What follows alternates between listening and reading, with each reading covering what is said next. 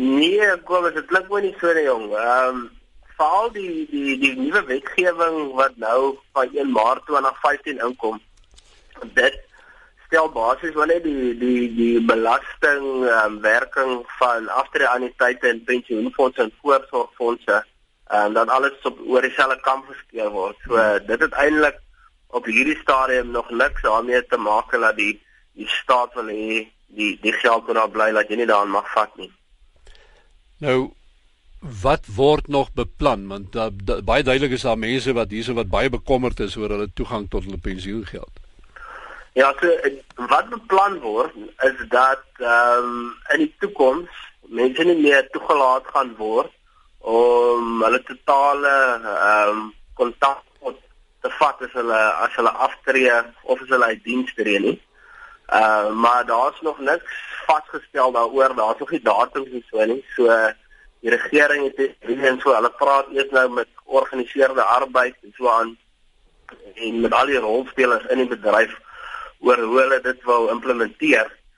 Maar een ding wat hulle duidelik gemaak het van die begin af is dat hulle glad nie al gevestigde regte wat basies is die geld wat jy klaar daar gespaar het. Hulle gaan nie ehm um, enige reëls rondom dit maak nie.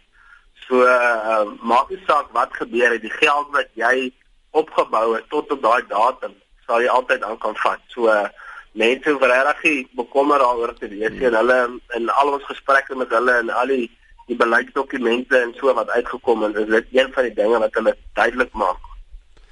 Maar kom ons kyk net na die die situasie want want want die gepraat daaroor die reaksie daarop weerspieël eintlik 'n situasie waaroor daar regtig rede tot kommer is want dit lyk nie asof die grootste deel van die land se mense werklik besef of verstaan hoe voorsiening gemaak moet word vir aftree nie en en die feit dat meeste mense het nie voldoende voorsiening gemaak in elk geval nie. Ja, nee seker en dit is hoekom die nasionale tesorie met hierdie ehm um, aftree nuwe aftree beleid en die nuwe aftree beleidsdokumente dis kom hulle daarmee voor 'n dag gekom het. So basies daar's drie dinge wat jou aftree geld beïnvloed. Dis die een hoeveel jy insit Nommer 2 hoe lank jy daar aan sit en nommer 3 wat se opbrengs jy daar op kry. En die en uh, die nasionale tesorie is besig om na al drie hierdie te kyk. Dat die die veranderinge wat nou 1 Maart 2015 inkom, gaan jy nou toelaat om tot 27.5% van jou salaris voorbelasting te kan spaar. Dan op die opbrengste, hulle is ook besig om om uh, te kyk na die koste van die bedryf om dit af te af te druk sodat die die opbrengste hoër is. En dan waar ons net ge, gepraat het die die verpligte bewaring om mense maar net te forceer om hulle geld te spaar want ons weet mos nou maar hoe dit is as jy nou hier op 30 35 jy kry nou 'n groot pot geld as jy versoek ook maar groot te mekaar te koop of om nou maar kantietjie te gaan of so aan so dit is eintlik maar om om, om ons maar nie in die regte rigting te nudge soos ons wil sê Verduidelik net vir ons en kyk 'n bietjie na 'n scenario vir jy weet om vir ons te verduidelik hoekom dit noodsaaklik is dat ons hierdie goed doen. Wat wat is die impak as iemand van werk verander uh sê maar twee keer in sy in sy in sy loopbaan uh en elke keer vat hy sy sy pensioen uit en hy be, gaan bestee dit op ander goed en hy moet van voor af begin opbou. Ja, yes, yes. So uh, jy kan sê maar 'n uh, persoon begin op 25 werk en op 5 as hy 15% per jaar spaar, sal hy genoeg genoeg hê om 'n om 'n goeie pensioen te op 65.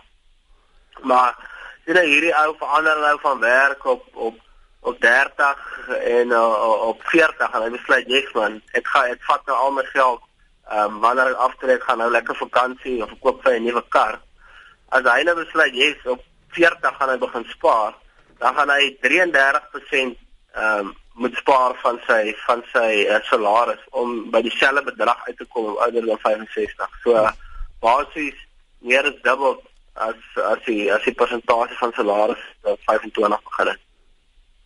Uh, julle werk met hierdie goed, julle julle hou dit dop. Um, wat is die situasie op die oomblik? Hoeveel hoeveel mense is daar wat werklik uh kan aftree sonder 'n uh, baie drastiese inkorting van hulle van hulle lewensstandaard. Sure, nou dit is maar min. Ons die presiese syfers is eh, dit is maar moeilik om te sê. Die ding is want party mense het verskillende pensioenfondse en so aan. So dit is moeilik om 'n om 'n spesifieke nommer te, mm. of bedrag te sê, maar dit uh, seker hier tussen 1 en 5 en 1 en 10 mense ehm um, kan kan gemaklik aftree. So dit is wel baie min en as ons kyk na hoeveel mense hulle geld bewaar, is dit uh, minder as 6% van mense rondom 25 en minder as 10% van mense um, rondom 30. So dit, dit en ons het nou net gepraat oor die effek daarvan. So dit is hoekom ons maar uh, ons as die industrie dink is 'n goeie ding die nuwe maatreëls wat die nasionale tesourier inbring. Daar is mense wat vir ons en dan praat ek van mense wat 'n gemiddelde redelike skaflike salaris verdien wat vir jou sal sê maar ek kan nie bekostig om te spaar nie. Leef ons nie maar net te hoog nie. Ja, ek dink seker so. En uh, spaar is maar soos enige ander dissipline, soos jy ek bring baie keer die vergelyking met 'n dieet. So uh, as ou wil gewig verloor, dan moet jy maar 'n bietjie minder eet, jy moet 'n bietjie meer oefen, jy moet 'n bietjie dissipline handhaaf. So dis wat dieselfde ding met met spaar. Ou moet maar 'n bietjie dissipline handhaaf. Uh, ry dalk 'n bietjie 'n goedkoper kar, gaan 'n bietjie minder weg. En dit is een van daai dinge jy moet nou maar aan die begin van die maand jy daai spaardeel eintlik maar sien as 'n uitgawe en dit is nie sien as deel van jou jou maandeliks ehm um, geld wat jy kan gebruik eintlik.